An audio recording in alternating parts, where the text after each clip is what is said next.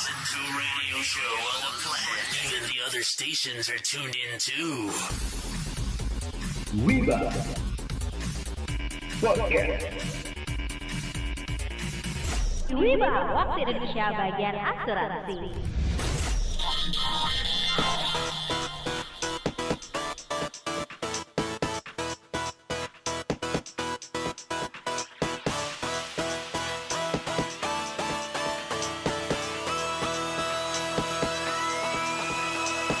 Hai hai hai Hola Wibers Aloha. Hai, hai.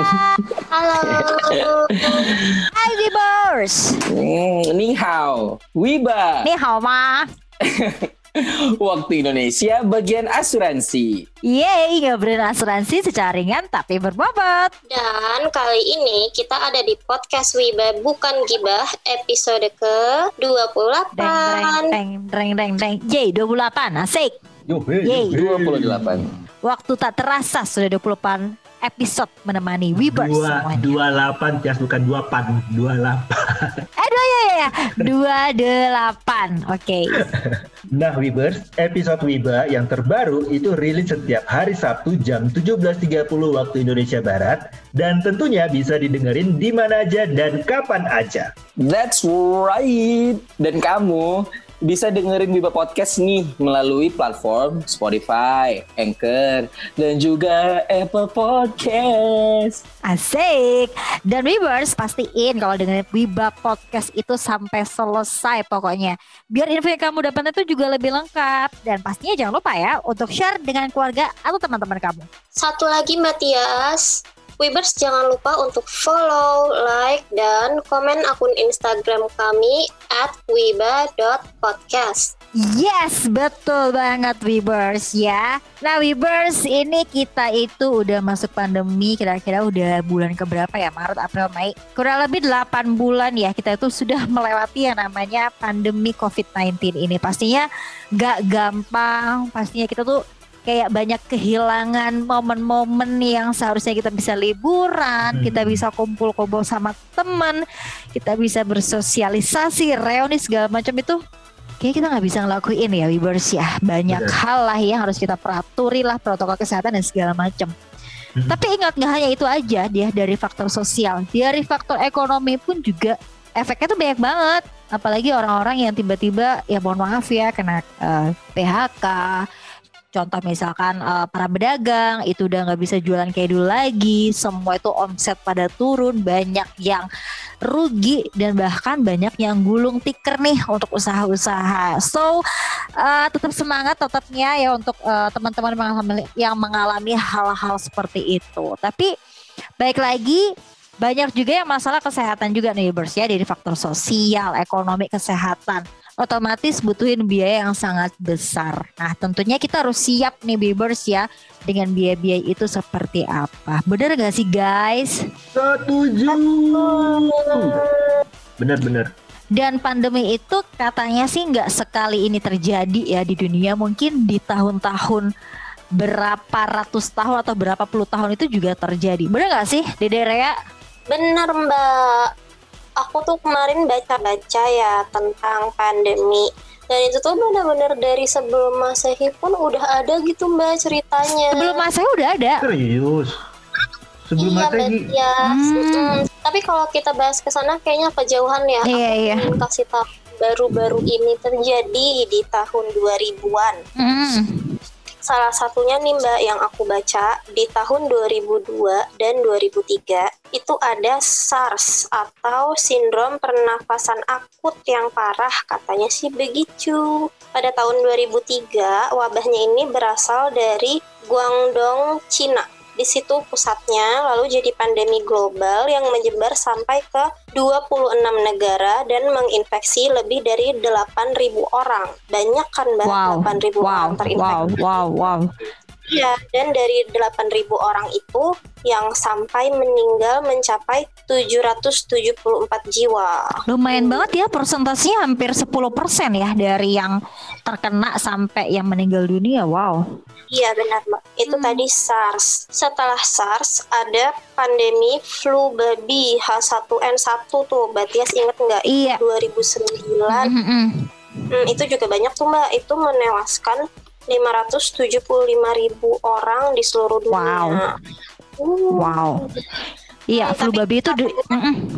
Tapi itu katanya dimulainya di Amerika Utara pada April 2009. Dia tuh awalnya kayak virus influenza tapi jadi menyebar cepat. Kayak ada virusnya tuh kayak berkembang jadi sesuatu hal yang baru gitu loh mbak. Mm-mm.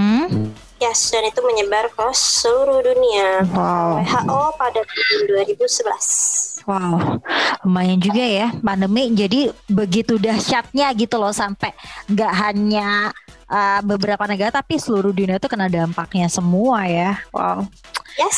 so sad sekali sebenarnya.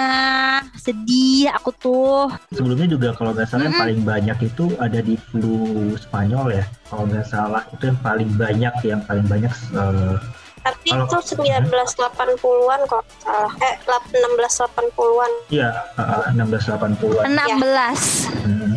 Tapi itu kalau nggak salah itu juga flu Spanyol ya. flu Spanyol itu juga menda- apa eh, mengakibatkan korban yang meninggal banyak juga kan sebenarnya di situ. Sangat banyak loh. Banyak. Ka- eh, eh. kayak sekarang aja pandemi COVID-19 aja Ya. di Indonesia sudah sampai 500 juta bukan? Eh, sorry, di Indonesia. Di dunia itu udah hampir 500 juta kalau nggak salah. Indonesia berapa ya terakhir ya Mas? Tahu nggak? Indonesia Gue juga itu- nggak pernah update lagi sih. Kalau. Indonesia terakhir kasus itu Hmm. total 474 ribu Mbak Tias untuk kasus Hmm. positif, sedangkan sembuh Hmm. 399 ribu dan korban meninggal dunia Hmm. akibat virus ini mencapai 15.393 korban jiwa. Nah, itu yang positif tadi Wow. tuh yang positif tadi itu masuk gua juga kayaknya ya salah satunya ya Oh iya iya benar benar benar. Tapi sekarang kan udah sehat walafiat ya, Wo ya. udah dong alhamdulillah alhamdulillah udah Iya, Jadi- kemarin kan sempet eh, mohon maaf Wo ini juga positif ya COVID-19. Boleh Benar. cerita dong Wo kayak gimana rasanya? Terus kayak gimana pertama kali wow I'm a positive gitu gimana? ya gimana ya ceritanya itu jadi kalau dihitung dari mulai gua kena demam ya dulu ya demam sampai dengan sembuh benar-benar keluar surat ijazah bebas apa ijazah negatif covid itu bisa dikatakan satu bulanan satu bulan lebih satu minggu gitu. Eh ya satu bulan satu minggu. Jadi awalnya tuh gua nggak tahu gua kenanya di mana gitu kan. Tapi yang pasti itu ada demam. Ah, diawali oleh sakit kepala terlebih dulu pus- bukan pusing tapi sakit kepala. Setelah itu gue batuk-batuk malamnya demam meriang ngilu-ngilu gitu sendi-sendi gua tuh ngilu. Setelah itu tiga hari gua demam hilang indera perasa sama indera pencium. Jadi gua nggak bisa mencium bau-bauan nggak bisa merasain makan makanan. Mau itu enak gak enak gua nggak tahu yang penting gua makan. Karena lapar itu aja. Nah semingguan. Bau-bau juga nggak bisa. nggak bisa gue nggak bisa bau bauan bau apa pun nggak bisa. Jadi kayak bau sampah lah bau makanan yang enak sedikit pun sekalipun gitu. Nggak ada gue nggak kerasa apa apa gitu. Nggak nggak nggak ada bau apa pun gitu. Jadi kayak gue gue lagi nyium anaknya habis mandi gitu ya. Kan ada bau minyak telon gitu kan bau bedak gitu. Nggak bisa nggak ada bau bau minyak telon anak gue itu gue coba tuh gue ciumin gitu. Nggak ada bau minyak kayak putih itu nggak ada gitu. Nah kira ya satu minggu setelah itu gue swab gue swab dan dua hari setelah gue swab swab itu juga uh, di telepon sama pihak puskesmas kalau ternyata gue positif. Nah pada saat gue positif itu ya ya udah uh, gue nggak mau di rumah sakit juga ya karena juga karena ngerasa badan gue itu masih nggak masalah gitu loh, gak ada apa-apa gitu. Kira gue isolasi mandiri di rumah. Kenapa? Karena uh, banyak nih pasien-pasien yang sebenarnya membutuhkan kamar itu dibandingkan gue gitu. Oke nih Wo, aku mau nanya. Tadi dikatakan bahwasanya eh, Wo ngerasa eh, kehilangan penciuman ya. Jadi indera Hmm. penciuman itu kayak nggak ini ya jadi kayak apa istilahnya mati rasa gitu kali ya bisa dibilang gitu ya. Indra penciuman itu ya kayak mati rasa, indra perasa juga mati rasa gitu. Mati bau dan mati rasa kali ya ngomongnya gitu ya. Ayo Allah. Terus untuk tanda-tanda yang lain kayak demam gitu atau kayak batuk seperti itu Ada. ada, ngerasain juga nggak sih? Jadi kalau demam itu emang di awal. Jadi tadi yang gue bilang ya, eh, di awal-awal itu gue ngerasa sakit kepala dulu. Pagi gue ngerasa sakit kepala, Mhm. habis itu gue ada batuk, jadi tenggorokan itu kayak gatel-gatel gitu. Jadi gue batuk dan siang itu mulai badan gue tuh mulai gak enak, batuk gue makin parah. Malam badan mulai meriang, demam. Demam itu pada saat diukur 38 sih, 38,5 gitu. Dan itu berlangsung selama tiga hari. Gue ingat Jumat, Sabtu, Minggu. Selama tiga hari itu Oke. demam, demam, batuk dan flu. Cuman kalau untuk rasa makanan itu ada, masih tetap ada di tiga hari pertama itu. Barulah di hari Oh, justru keempat- gitu ya. Hmm, hmm, hmm. Hmm, baru di hari keempat Mm-mm. itu gua ngerasa eh, barulah makanan itu nggak kerasa sama gue. Terus penciuman gue juga mulai nggak bagus. Ditambah lagi gue diare. Sehari itu gua di, eh, buang air besar itu ada 4 sampai lima kali dan itu air semua. Dan lemas, lemas sebenarnya makanya gua harus banyak makan pada saat itu. Walaupun nggak ada ngerasa apa-apa, tapi gue harus tetap makan. Berarti ada hilangnya indera perasa gitu ya, Woy. Terus penciuman juga hilang dan ada demam, pusing sama batuk juga ya. Nah, Benar. setelah merasakan tadi gitu ya, Woy ya, gejala-gejala seperti itu, di momen mana gitu ngerasa eh kayaknya aku harus periksain diri deh ke otoritas kesehatan setempat gitu. Itu di saat kapan? Di hari keberapa mungkin? Gua ingat gua mulai demam batuk itu di tanggal 2 di tanggal 2 Oktober ya tanggal 2 Oktober eh, sampai tanggal 4 Oktober dan setelah itu di tanggal 8 Oktober gue dapat informasi kalau ada orang di kantor yang juga kena positif yang positif COVID juga gitu loh. Akhirnya kita sekantor harus swab. Nah di saat itu tanggal 9 nya gue swab. Jadi tanggal 9 gue swab tanggal 11 nya keluar eh, hasil kalau gue positif eh, COVID di tanggal 12 gue disuruh ke rumah sakit umum untuk cek ronsen paru dan juga cek darah. Alhamdulillah sih hasilnya paru gue nggak ada flek, terus darah gue juga aman gitu, nggak nggak nggak tidak ada penyakit yang memberatkan kecuali karena gue batuk ya. Gue batuk gue itu setiap pagi emang gue batuk biasanya batuk dan eh, bersin gitu loh sebenarnya, tapi nggak ada pengaruh juga di situ gitu. Dokter menyarankan ada dua pilihan, apakah gue isolasi mandiri di rumah atau ditempatkan di eh, tempat apa namanya eh, pasien yang notabene tidak terlalu parah. Jadi ada nama tempat daerah itu namanya Kampung Nelayan. Di situ pilih di situ atau gue di rumah. Akhirnya gue bilang gue di rumah aja deh karena anak istri juga sudah gak di rumah. Jadi pada saat gue sakit demam itu gue udah minta anak sama istri gue untuk untuk eh, balik pulang kampung dulu lah sama orang tuanya gitu. Itu sih. Kayak gue sendirian di rumah dan alhamdulillah sih mana-mana aja sih. Ya. Terus kalau waktu di rumah itu apa aja harus dilakuin? Apakah Uwa tetap dapat obat nih dari pihak kesehatan ataukah beli obat sendiri? Terus makannya gimana? Apa yang biasanya Uwa lakuin? Gimana tuh? Jadi pada saat pertama kali demam itu gue udah punya feeling kalau ini kayaknya positif COVID nih. Jadi setelah itu gue minta ke istri untuk uh, beli bahan makanan untuk untuk di rumah dan gue masak sendiri. Itu satu. Yang kedua uh, obatan obat-obatan dari rumah sakit itu ada tapi hanya untuk satu minggu gitu loh. Dan memang sih untuk isolasi mandiri kurang bisa dilihat ya oleh dokter ya tiap hari dikontrol itu kurang ya karena tenaga tenaganya juga nggak terlalu banyak hanya via telepon saja apakah sudah minum obat apakah sudah ini apakah sudah itu udah gitu aja gitu loh. Dan setelah gue satu minggu setelah gue covid itu gue disuruh untuk swab yang kedua. Jadi pada swab yang kedua ternyata gue masih covid. Gue tanya dong ada obat lagi atau enggak? Gitu nggak usah nggak ada. Tapi tetap aja minum vitamin makan buah makan sayuran katanya gitu aja sih. Ya udah gue lakukan itu sampai gue sembuh. Jadi intinya tetap termonitor ya oleh pihak kesehatan. Pihak kesehatan termonitor, hanya saja tidak termonitor terlalu intens ya kayak yang di rumah sakit. Gua- Mhm. Sebenarnya gue lebih suka di rumah sakit ya, karena kita memang benar-benar dirawat gitu loh. Hanya saja kenapa gue nggak di rumah sakit itu ya gue masih ada rasa kemanusiaan sih karena gue rasa kayak gue tuh nggak berat penyakit gue tuh nggak berat jadi nggak perlulah rasanya gue harus di rumah sakit mendingan gue di rumah aja gitu. Oh sih, I see, I see. Ya lu juga meli empati ya dari segi tenaga medisnya ya, Wo ya. Benar, benar karena tenaga medis kita kan juga eh, terbatas ya, apalagi melihat Mhm. korban-korbannya juga banyak juga kan yang dari tenaga medis kan kasihan juga gitu loh. Jadi dari kita. Hmm, Oke, oke. Jadi ya intinya bisa sembuh itu karena rutin mengkonsumsi obat yang disarankan oleh pihak kesehatan Hmm. tentunya. Terus makan makanannya pun juga dijaga ya. benar. Gue minum vitamin, makanan dijaga, terus istirahat yang cukup, ya. Gue itu Mhm. tidur eh, tidak lebih dari jam 10 malam gue udah tidur. Terus eh, pada saat Mhm. gue capek, gue harus tidur.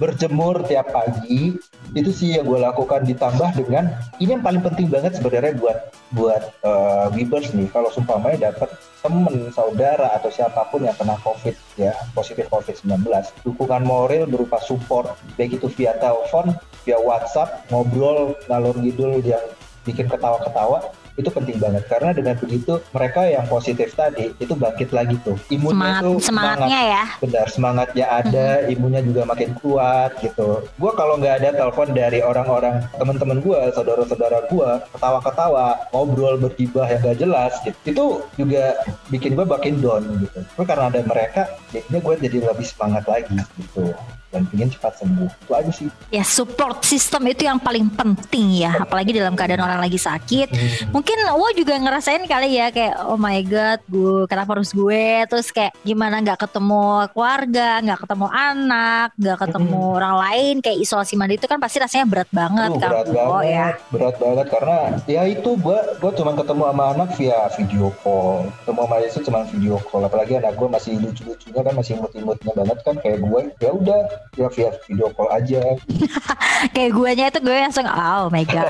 Mas, itu eh, berapa ber- berapa lama sampai berapa hari atau berapa minggu sampai lu dinyatakan lu sembuh dari lu pertama kali eh, positif? Dua minggu, Eh, tiga minggu? Gua melakukan swab itu sampai dengan lima kali, berarti ada lima minggu. Ya. Wow. Swab pertama Lama ya? positif, swab kedua positif, swab Hmm. ketiga error. Error itu bukan kesalahan dari gua juga dan juga bukan kesalahan dari pihak puskesmas Hmm. karena juga apa namanya tenaga medis uh, yang yang cross check hasil lab gitu kan juga nggak banyak di Hmm. Sumatera Barat. Apalagi Hmm. tingkat positif di Sumatera Barat itu kalau nggak salah nomor 4 di seluruh Indonesia gitu loh. Jadi uh, dalam satu hari itu ada sampel Oh, yang nggak oke. ya jadi ada sampel yang nggak bisa di apa dites gitu. Karena kenapa? Sudah lebih dari 24 jam. Katanya adalah eh, sampel itu bisa dites kalau belum 24 jam sebelum 24 jam. Kalau sudah lebih dari 24 jam hasilnya akan error dan keluar antara negatif atau positif kalau dari feeling gua gua ngerasa kayak saking udah negatif overloadnya ya. Hmm. Benar, gue ngerasa kayak swab yang ketiga itu gue udah Hmm. negatif. Tapi karena hasilnya error, akhirnya seminggu kemudian gue harus swab lagi yang keempat. Swab keempat itu gue apa namanya itu gue oh, negatif dan disuruh lagi untuk oh, swab yang kelima. Jadi kayak tanggal berapa ya waktu dia tanggal tanggal tanggal 30 gitu nggak salah. Ya tanggal 30 buat swab, tiga empat hari kemudian keluar tanggal 3 ya tanggal 3 itu hasilnya keluar tanggal 4 sorry tanggal 2 keluar hasilnya 2 November keluar hasil yang swab keempat. Tanggal 3 buat swab yang kelima. Hasilnya itu keluar satu minggu kemudian. Nah barulah eh, keluar surat ijazah. Gue nyebutnya surat ijazah kalau lulus covid. Artinya adalah surat ijazah negatif covid. Baru boleh masuk kantor. Wow, wow, wow, wow, speechless sih dengernya. Lima minggu untuk pengcoveran sampai akhirnya bisa sembuh ya. jadi gini ya sebenarnya kalau dilihat ya malah mana lebih cepat penyembuhannya di rumah sakit atau di rumah gitu kan. Gue ngelihatnya dari banyak case yang ada lebih cepat di rumah sakit gitu. Karena kenapa? Mereka benar-benar total istirahat satu, yang kedua juga apa namanya dia juga dilihatin tiap hari ya sama dokternya, sama perawatnya, diberikan konsumsi obat-obatan dan segala macamnya gitu. Apalagi kalau seumpamanya di rumah sakit rumah sakit yang asuransi penting banget gitu loh. Bagus banget kalau seumpamanya punya asuransi. Anggap nih, gue kan punya asuransi, kenapa sih gak gue pakai gitu? Gue ngerasa kayak belum lah gue butuh karena uh, feeling gue juga gue nggak nggak berat gitu karena covidnya juga nggak berat Oke, Oke. eh, congrats sebenarnya buat Wa ya karena udah sembuh ya. Semoga kita semua terbebas lah guys dari yang namanya COVID-19 ini. Tapi ya mungkin yang ada di lingkungan kita ya ternyata oh misalnya saudara kita ada yang kena atau teman kerja kita atau bahkan tetangga. Nah sebenarnya gue juga masih bingung nih kalau misalkan ada yang seperti itu, misalkan teman kita atau kerabat yang positif COVID-19, what should we do guys?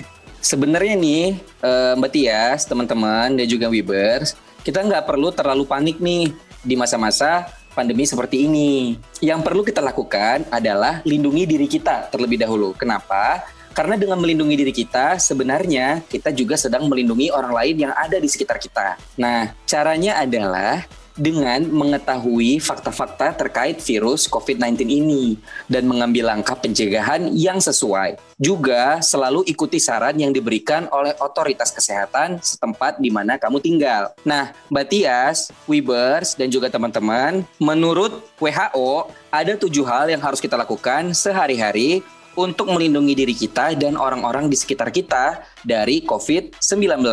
Yang pertama, bersihkan tangan secara rutin. Gunakan sabun dan air atau cairan pembersih tangan berbahan alkohol. Yang kedua, jaga jarak aman dengan orang yang batuk atau bersin. Yang ketiga, kenakan masker jika pembatasan fisik tidak dimungkinkan. Yang keempat, jangan sentuh mata, hidung, atau area mulut kamu. Yang kelima, saat batuk atau bersin, tutup mulut dan hidung dengan lengan atau tisu. Yang keenam, jangan keluar rumah jika merasa tidak enak badan. Yang terakhir, jika demam, batuk, atau kesulitan bernapas, segera cari bantuan medis. Seperti itu Mbak yang harus kita lakukan sehari-hari untuk melindungi diri kita dan orang lain yang ada di sekitar kita. Wah, keren banget Kifli. Dari yang lainnya ada yang kasih masukan mungkin Dede Rea atau Uwo? Nah, kalau gue ada masukan nih, ya bukan masukan ya, gue ada tambahan sih sebenarnya. Ada beberapa hal yang uh, kalau kita ketemu dengan teman-teman yang pasien uh, COVID gitu kan, teman tersadar yang, yang terkena COVID, positif COVID-19 ini, yang paling penting itu adalah support system. Kalau kita nggak support mereka, kita nggak berikan semangat buat mereka, percuma gitu. Pada saat kita tahu ada yang kena, kita nggak berikan support system, mereka juga nggak akan cepat untuk sehat. Dan yang kedua adalah pada saat mereka sudah sehat, dinyatakan negatif COVID, jangan jauhi mereka. Karena COVID-19 itu bukan aib. Kalau di Rea, iya. Di Rea gimana? Ada yang mau kasih tambahan nggak? Tambahan kayaknya enggak deh mbak. Tambahin apa ya? Yang pas, hmm, yang pasti kita harus patuhi protokol kesehatan kali ya. Yep. Yap. Nah satu lagi nih sebenarnya guys mengenai tadi kita udah sharing ya mengenai dari pengalaman Uwo yang pengalamannya loh waktu dia masih positif COVID-19 sampai kira-kira gimana harus kita lakuin ya kalau misalkan orang sekitar kita tuh ada yang terkena atau sudah positif COVID-19. Nah sekarang otomatis kalau orang yang sudah uh, positif COVID-19 otomatis butuh biaya ya guys, butuh biaya untuk biaya kesehatannya, biaya nanti itu pengobatannya, otomatis itu duitnya tuh nggak kecil. Dan Benar. berarti harus punya yang namanya proteksi sih. Ya nggak? Setuju nggak? Setuju, gue setuju. Kalau Setuju sudah punya itu. proteksi, kita it setuju. Yes banget. Kalau kita sudah punya proteksi, otomatis kita nggak usah yang namanya mikirin uh, biaya kesehatan lagi. Kita udah alihin aja lah kerugian-kerugian kita bayar untuk uang pengobatan segala macam. Biar asuransi aja deh yang bayarin. Ada nggak sih kalian tuh di sini misalkan yang tahu kira-kira asuransi kesehatan yang oke itu kayak gimana gitu loh? Any idea? Aku punya idea. Gimana deh?